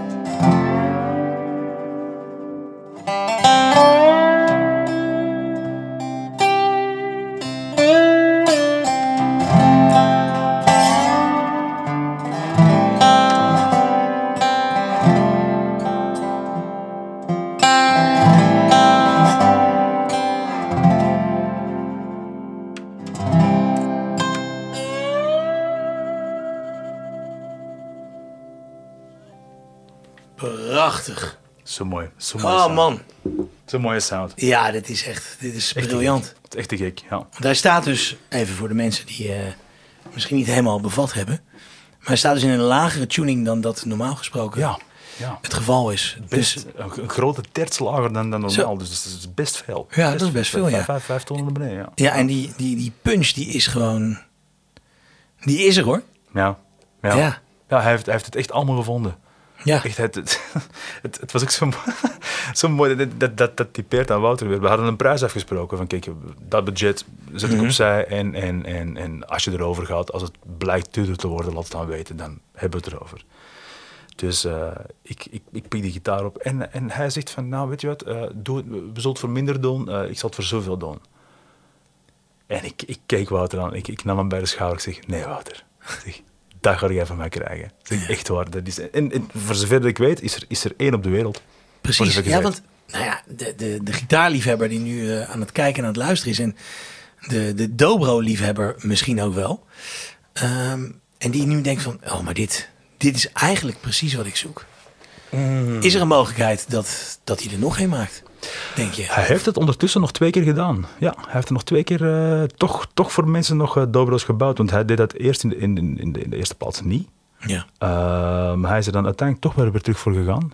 Uh, hij geeft ook les in Puurs, in de bekende gitaarbouwschool van Puurs, waar ze ook al met wachtlijsten aan het aanschuiven zijn om les te krijgen. Uh, Wouter is een van die, van die docenten. Uh, want toen hij zijn, zijn, zijn, zijn commissie-examen moest doen uh, om docent te worden, heeft hij nog even die, die dobro teruggevraagd. Dan maak ik hem even meepakken, want ik Oh, moet ja. even laten zien wat ik allemaal kan maken. Ja, ja, ja. Uh, maar ik denk, als je wilt Square leren spelen, ik denk dat je best begint. Uh, het merk Regal vind ik echt een heel goed idee. Niet te duur. Um, en het zijn eigenlijk best goede instrumenten, want ik, ik kom ze nog wel iets tegen en dan denk ik van, goh, het klinkt eigenlijk nog behoorlijk goed eigenlijk. Ja. Um, wil je toch één stapje hoger en je denkt van, het mag wel goed zijn, bel Rudy op en zegt van, komen er nog shearhorns aan?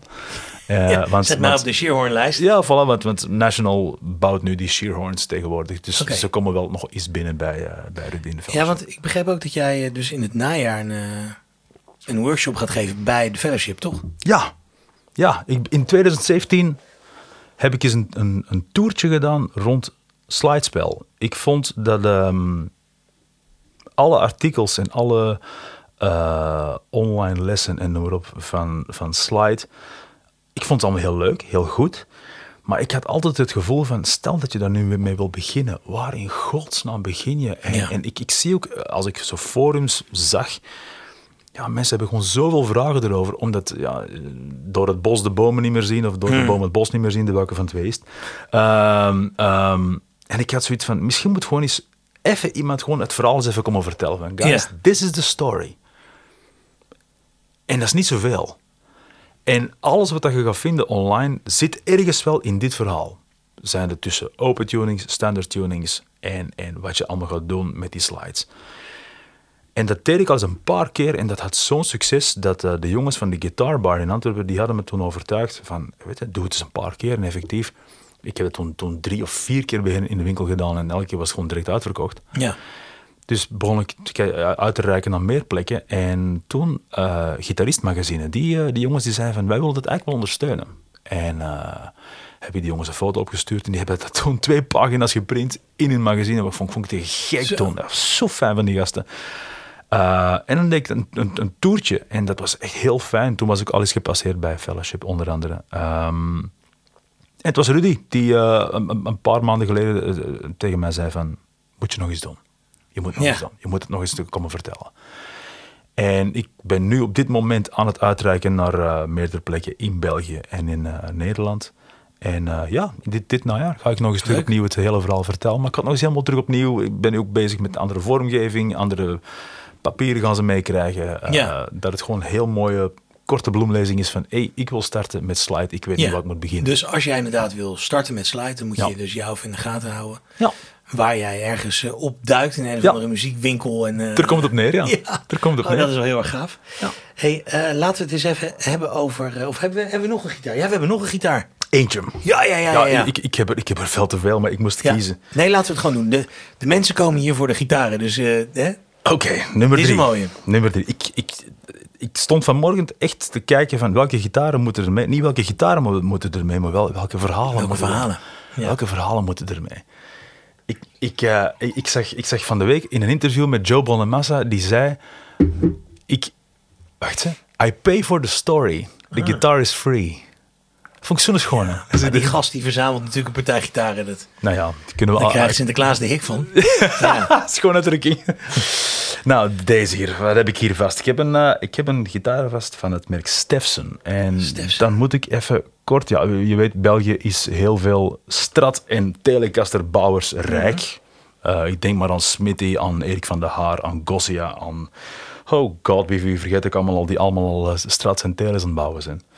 Nu, ehm, ik heb het voorrecht gehad, en we spreken toch al effectief enkele jaren terug, ehm, om een man in België te leren kennen die heet Stef Peire. En Stef Peire was een heel grote, dikke, bepaarde man die heel laag kon spreken. En, eh, want als hij eh, telefoon opnam of hij kwam binnen, dan zei hij altijd met de laagste stem die hij had, hij zei altijd Matje. En dan mocht mocht je binnen.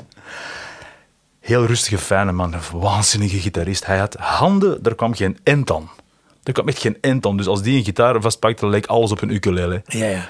En, ehm, en die, die man die, die, die ver- verbouwde en bouwde onze gitaren. Dat was de luthier waar we allemaal heen gingen. En met de ik, ja, nou ja, de Antwerpse muziek zien. Iedereen zat bij Stef. En eh, ehm, helaas eh, eh, kwam Stef om het leven ergens, denk ik, 2016. Ja.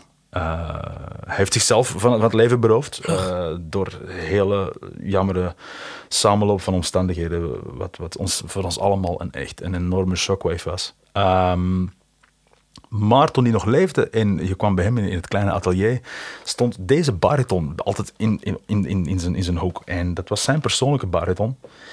En ik maakte altijd de grap, omdat omdat dat ding zo lekker klinkt, ik maakte altijd de grap van, eh oh Stef, by the way, zet die ook maar even mee op de factuur, dan neem ik hem nu wel mee. En eh, hij moest altijd lachen. En eh, zei, ja, ik wil er wel eentje bouwen voor je, maar die gaat niet mee natuurlijk. Dus ja, dat was ook zijn model, zijn prototype. En effectief, er, er schort ook wel... Ik dacht, the scale length scheelt, scheelt er ook ergens iets een beetje anders. Het is niet echt helemaal een... er, er zal wel een beetje bouwfraude in zitten. Ja. Eh, ehm, En uh, na zijn overlijden, uh, ja, niemand wist eigenlijk heel goed waar al die instrumenten naartoe waren en wat er allemaal mee gebeurd was. En er waren ook mensen bij gemoeid. En, en, en als ik nu oude vrienden van Steven over spreek, dan krijg ik verhalen te horen waar ik helemaal niet blij van word. Hmm.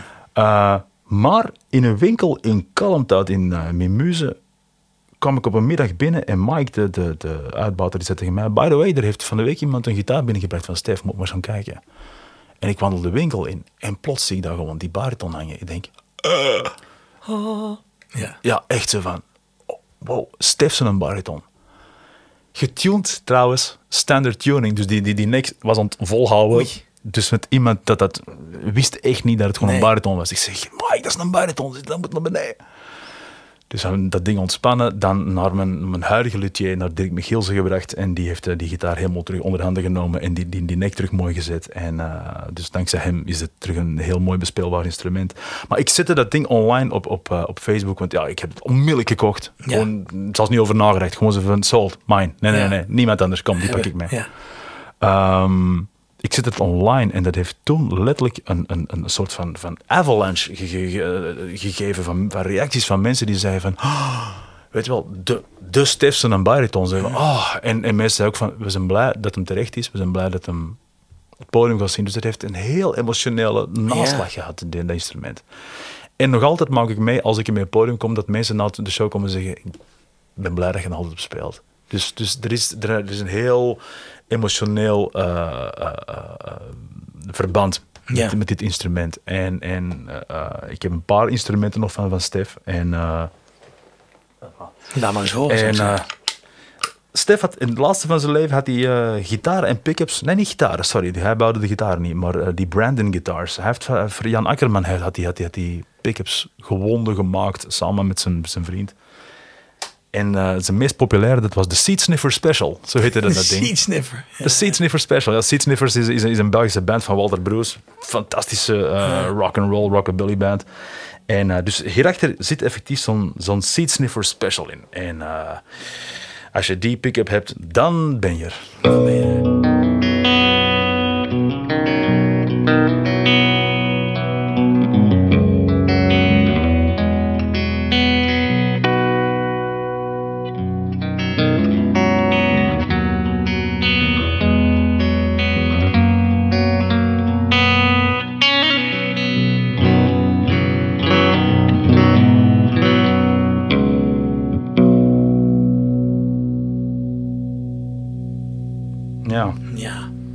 Is hem. Mooi man. Is dat, is dat een holy grail? Wel, als je morgen de, de, de Fender Marketing Department op, op loslaat, wel ja. Dan, uh, Want de, de, de pick-up gewonnen door Abigail, weet ik veel welke dame, dan, uh, die ja. kostte dan 200 euro meer dan zij ze gewonnen heeft. Dus de Seats Never Special, dan uh, gaan we daar nu uh, gelijk uh, 10.000 euro aan vasthangen. Ja. Want dan heb je de Holy Grail. Nee, nou, ik ben lullen, uiteraard niet. Maar kom maar zeggen. Het is gewoon een, een, een, emotioneel... Het is een emotioneel ding. Gitaar. Ja. ja. En ik vind het ook, ik vind ook wel mooi om, om zeker met, met muzikanten te praten die, die een emotionele reden hebben om een instrument te hebben. Geërfd van hun vader, van hun onkel, van familie, vrienden, weet ik veel wat. Uh, want de andere gitaar die ik... Ik heb lang getwijfeld, moet ik die ook niet meenemen? Is, uh, ik kan toch kort het verhaal vertellen. Ja, vertel. Ik zal wel een foto van de, van de gitaar sturen. Oh, ja. Ehm, mijn goede vriend Willy Willy, de legendarische Belgische gitarist Willy Willy van de Scaps, um, was een enorme fan van Billy Gibbons. The Reverend. Ja. En uh, Duesenberg had op een moment één gitaar gemaakt, dat heette de Senior 52. En het was eigenlijk hun poging om eigenlijk Billy Gibbons over de streep te krijgen. Om, om ook op Duesenberg te gaan spelen. Een goldtop met één pick-up.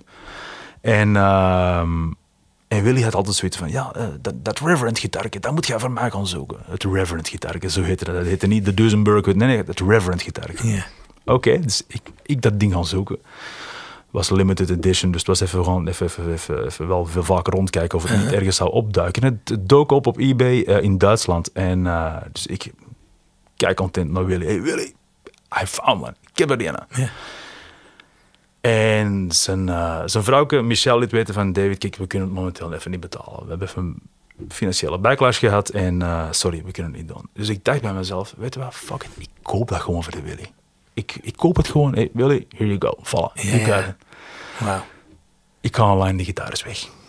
Nee. Dus we vinden het niet meer terug. En in 2019 krijgt uh, Willy te horen dat hij kanker, dat hij kanker heeft. En uh, dat hij het zeker niet gaat overleven. Dus uh, we hebben in die laatste tour van de Scaps hebben we Willy nog voor de helft van de tour meegehad. En uh, zijn laatste concert was effectief een, een, een MIA Award, een Music Industry Award in België. Een MIA Award voor the Lifetime Achievement. Daar heeft hij nog net kunnen spelen. Het staat ook op YouTube trouwens. Uh, Robin the Liquor Store van de Scaps, waar Willy voor de laatste keer meespeelt. En we zijn echt drie dagen na zijn overlijden. Wat komt er online op, op, Nee, op tweedehands.be? Senior 52. Ach, verdomme. Dus ik heb dat ding gekocht, direct. Ben het ding gaan halen. En, uh, en ik heb het hier in Nederland laten pinstripen. Oh. Uh, uh, en, en ik heb op, op, op de achterkant in grote letters heb ik laten, laten schrijven... Will is Reverend. Ja. Het heet Will is Reverend. En, en die gitaar pak ik altijd mee. En, en ook elke keer als ik dat ding rondhang tijdens de shows van Gies Winnen of de Scaps, dan uh, knip ik knipoog ik in bij mezelf Ja. altijd even, even naar, naar Willy. Zeg, hey Wilson, here we go. Ja. En dan gaan we Dat is spelen. mooi, man. Ja, die, Ja. Die, die verhalen die in die gitaren zitten, die, die aan die gitaren kleven. ja, ja, ja. Dat is het mooiste wat er is. Ja, echt wel. Echt wel. Heb jij dat ook met gear? Of minder? Ehm, minder. Minder. Gear is toch meer een soort van Tool. de, de, de, de, de schroeven. Ja, En de gitaar is de hamer. ja, toch wel. Ehm, Of de, dan de spijker, zeg maar. Nee, eff- effectief. Ik, ik, ik, met de gear kom ik altijd wel weg. Al moet ik zeggen dat ik wel heel specifiek ben in, in waar ik eh, speel wanneer. Het heeft heel veel te maken ook met headspace. Eh, wat wil ik ermee zeggen? Nou ja, we gaan even terug naar Cooking with Nolfer. Ja, wat doet Mark Nolfer van sound? Nou ja, het zijn altijd clean strats over Fender amps of het zijn Les Pauls over Marshalls. En dan zit je heel snel in die leefwereld. Ja. Dus wat heb ik gewoon gedaan? Ja, ik heb gewoon die setup gepakt. Ik ben gewoon ben, ben over Fender Brownface aan het spelen en ik ben over een Marshall JTM aan het spelen. Uh, live. Dat ik effectief gewoon gelijk in die headspace zit. Ja. Um, maar bij Gies Winnen gebruik ik al jarenlang Dr. Z-amps, omdat die, niet omdat het heilige gralen zijn, maar die doen nu toevallig net wat ik leuk vind aan een gitaarsound. En wat daar werkt. Ja, en Ja. wat daar werkt. Ja, absoluut En qua pedalboard, heb jij gewoon één pedalboard? Heb je meerdere pedalboards? Meerdere pedalboards, waaronder één flagship. ik kocht jaren geleden... Is het, de, Ja, je kwam hier net over de dijk gereden op je pedalboard inderdaad. Dat was wel heel apart om te zien. Dat was wel... Ik had het beter gedaan. Ik had het beter gedaan. Als ik ooit groter ga wonen, dan, dan ga ik gewoon in mijn pedalboard wonen. Ja, in je pedalboard gewoon inderdaad. Ik heb mijn eigen podium bij. Ik, ja. Nee, ik, ik, ik kocht toenmalig de, de, de grootste pedal train die er was. Ik dacht van, wat is toen het grootste? Dat. Oké, is goed. En dan ging ik naar mijn goede vriend Juri Frans. Ik zeg, eh, oké, dat, dat is de setup. En hij heeft dat, helemaal, dat, dat hele ding gewired. En, eh, en dat houdt al heel lang heel goed vol. En ik vind het ook heel leuk om heel intuïtief te reageren op de momenten. Uh, Ja. Er zijn nu gewoon ruimtes waar je sound direct dicht comprest van het volume, of omdat je in een tent staat. Uh, er zijn theaterzalen waar het allemaal keurig droog klinkt en waardoor je gewoon geen, geen, geen projectie of niks Je krijgt niks terug. Nee. Nee. Dus ik, ik reageer altijd heel hard op het moment zelf. Dus ik ben niet, een, ben niet zo comfortabel met vaste presets die altijd hetzelfde moeten klinken. Um, ik moet altijd een beetje kunnen reageren. Maar ja, je, je blijft toch, uh, pedals blijven toch wel een beetje uh, de snoepkraamwinkel Hmm. voor, voor, voor, gitaristen. Want ja, met, met, met 200 euro heb je weer, weer, weer Heb je weer iets, heb je een nieuw ja. smaakje weer. Ja. Ja, ermee. Ja. Dus, dus is, en ik ben ook altijd erg nieuwsgierig naar, naar gewoon dingen ontdekken. En, en ja, een nieuwe gitaar ontdekken kost best wel wat geld. Maar nieuwe pedaaltjes ontdekken kun je vrij snel kopen, ja. je ding erin vinden of niet. En weer verder, verder, verder verkopen. Dus, ja. Wat was het laatste pedaaltje wat je hebt uh, gekocht?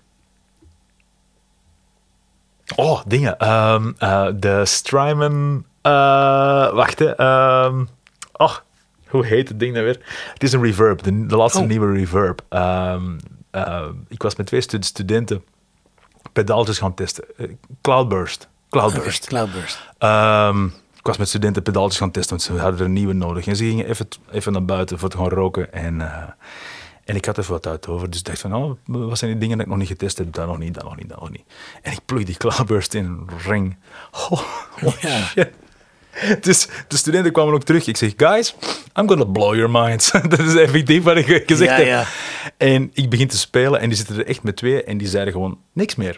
Die zaten gewoon te, zo te luisteren. Zo van, what the hell is dit? Ja. En eh, ze vroegen allebei van, eh, ga je dat kopen of, of kunnen wij het? Eh, Ik zeg, sold, sorry. Ja. Hebben ze. Hebben ze. En, en wauw, wat, wat, een mooi ding. Wat Ja. een mooi ding. Dus absoluut, ik vind het kei inspirerend. Dus, eh, maar ik, ik was ook helemaal niet van plan die dag van, dat ding te kopen. Maar ja, wat is er nu levensgevaarlijker dan een gitaarwinkel Oh, binnenstappen? dat is levensgevaarlijk. Je moet altijd zorgen dat je je portemonnee thuis laat. Thuis laat, ja. Ja, gewoon eh, alleen, maar kei- alleen maar kijken. En, Ja. ja. ja, ja, ja. Nee, dat is. Het is eh, ik wil er eigenlijk niet over praten.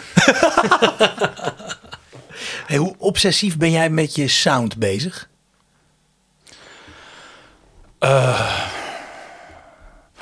Ik, ehm, ik sta op en ik ben heel snel al de eerste sites aan het checken. En het laatste wat ik doe voor gaan slapen is altijd even kijken of ik niet ergens een YouTube-filmpje gemist heb. Ja. Dat is mijn, dat is mijn standaard, eh, Standaard beleving. routine. Ja, ja. En wat zijn de kanalen die jij dan, eh, die je dan graag checkt? Ehm, ik ben zeker de laatste jaren vind ik Tom Boekenvak fenomenaal. Eh, Ja. Omdat die gast natuurlijk spreekt op een ander niveau. Eh, en hij is ook zo dood eerlijk. En eh, de helft van de tijd gaat het zelfs niet over gear of gaat het niet over, maar het gaat over gewoon mens zijn, en muzikant zijn en hoe hij daar dingen in beleeft. En ook de, ook de conversaties die hij gaat houden. Hij kan ook zo aan andere muzikanten zo vragen stellen als welk, welk melodietje, welk thema is jou aan bezighouden? En dan zo, ja, ja ik ben, ben vooral met Sixte bezig tegenwoordig. Ik weet niet waarom. Weet je, maar dat is Ja. en dat is zo'n vraag dat ik denk van, dat is een keigoede vraag. Ja. Zo is aan muzikanten vragen, waar zijn ze mee bezig? Waar zit je nu op dit moment in? Ja, ja waar, is Ja. de state of mind? Zo? Nou ja, laten we die gelijk maar eens even dan op tafel gooien. Waar, wat is nu jouw state of mind? Waar ben jij muzikaal gezien nu op aan het vastbijten of, of aan het stuk bijten of, of Zeker wel, timing. timing? Timing. Gitaar, gitaristen zijn rushers, alles van, van voren on the beat. Ja. En ik ook. Dus ik zie, ik zie filmpjes en denk altijd, godverdomme, ja. timing. Dus Te ver naar voren. ja, Echt, echt tijdens, de, tijdens het concert dikwijls denk je, steady, Rustig. steady, ja. steady. Kom maar, lust het naar, naar die hi-hat en gaat er nu eens achter hangen. Doe je daar bewust op, op oefenen of dat niet? Op timing eh, altijd als ik aan het spelen ben, maar niet thuis te klikken aan en, Nee. dan, en dan trainingen doen. Dat niet. Eh oefenen doe ik eerder om, om bijvoorbeeld eh, die, die nek open te krijgen. Want die Oh, nek open krijgen is altijd een ramp. Ik bedoel, wij- zijn altijd nogal hokjesdenkers, Mhm. gitaristen. En ik probeer die nek open te krijgen, maar in bepaalde toonsoorten is het, is het zo. En andere voel ik heel snel dat ik, dat ik eh, moet gaan denken. En, en, en dat wil ik niet. Want dan, Nee. dan, dan, dan strop je en dan ga je heel safe dingen spelen eh, op podium die je altijd Ja. al, altijd al hebt herhaald. En onlangs zag ik een filmpje van mezelf, eh, ik denk een kleine tien jaar geleden, en dacht ik bij mezelf, shit, ik ben niet echt veel beter aan het spelen dan daar. En dat was bij mij even een eye-opener. Van, oh, oh, oh, dat was voor mij even de wake-up call. Ja. Dus er is weer iets ontrommelen nu van, hela, Ik moet weer aan de, aan de bak. het moet wel, het moet wel omhoog, het moet niveau. wel hè. omhoog. Maar is het dan niet zo dat je op een gegeven moment een niveau hebt aangetikt waarin de vooruitgang, zeg maar, eh, tiende van procenten zijn? Ja, Want die grootste stap heb je misschien al gemaakt ja, klopt. tussen je zestiende en je, weet je wel, en je Ja. twintigste. Waarschijnlijk. Waarschijnlijk wel, ja. Nee, het, het, het, het zit hem in veel kleinere de- details. Ja. En stilaan moet je ook gewoon eh, gaan toegeven dat er bepaalde dingen zijn die je gewoon ook niet gaat halen. Ik bedoel, ik zie, ik zie jonge gitaristen in België opkomen waar je van denkt van holy, holy crap, wat is deze? Die jongens Ja. moeten spelen en die zijn technisch op een punt dat je denkt van ja, weet je, ik moet niet proberen nu nog even een inhaalmanoeuvre te gaan Nee. doen om, dat, eh, om dan daarin mee te kunnen. Nee. Ehm, Hoe, Ja. hoe kijk jij zeg maar naar de, de Instagram-gitaristen? Is dat voor jou, eh, want ja, ik, ik open wel eens Instagram en dan denk ik, ah, en dan zet ik hem snel weer uit, want dan denk ik, oh, dit kan ik nooit. Oh my god, wat, wat ben ik aan het prutsen met, mijn- met mijn ge- gehark. Whatever you think you're good at, there's always a Chinese girl on internet doing it better. Dat is wel zo. Ja. Wat een quote. Ja. Daar zou ze een t-shirt van moeten laten maken. Ja. Eh, ja, eh, ehm, ehm, ja dit- dit- dit- pas op. eh, De, de vaardige muzikanten, want dat is het woord, hè, vaardig. Dat zijn vaardige spelers bij hen thuis met de perfecte backing track. Ehm, ik ben de muzikant die heel hard houdt van eh, samenspel Ja. en interactie. Ik vind soms songs spelen en de interactie van die band. Ik speel met een geweldige twee bands, bedoel, zowel de Gies Winnen band als de Cooking with Nalver band zijn zo'n straffe muzikanten. En die jongens die reageren ook op alles. Die jongens die kunnen ook alles tien keer beter spelen dan ik zelf. Eh, wat trouwens altijd een goeie is. Speel, speel met muzikanten die beter Die beter zijn, Oh, ja.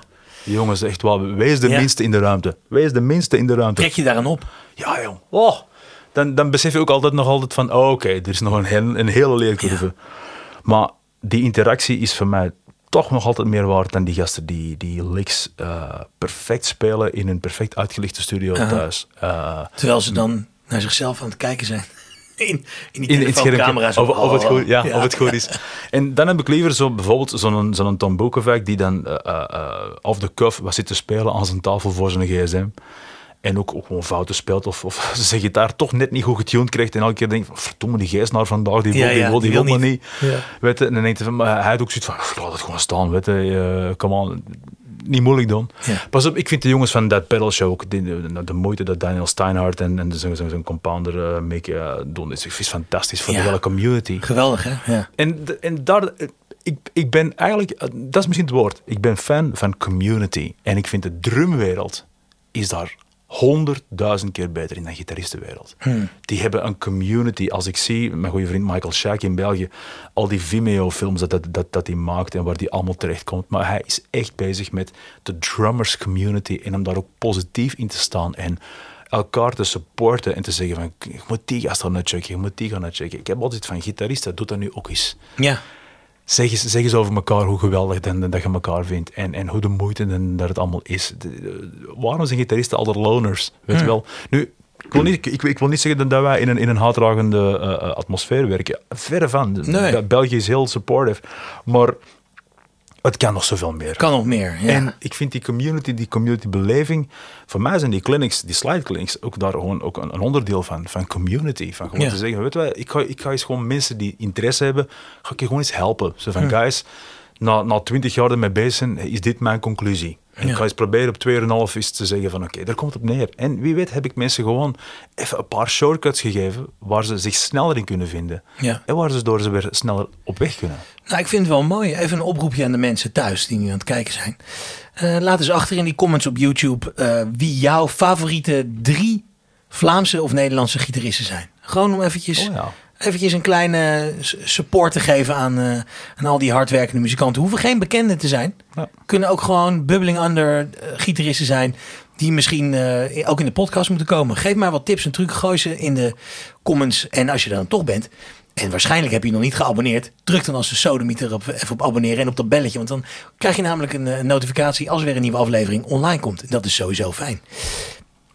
Ehm, ik wil graag afsluiten, want we zijn er bijna. We zijn al dik anderhalf uur lekker aan het kletsen. Dat ik is, vond het eh, een heerlijk gesprek trouwens. ja, ik ook man. Het is echt, eh, Echt vooral die, die, die verhalen over de gitaren zo inspirerend. Het is Ja. echt.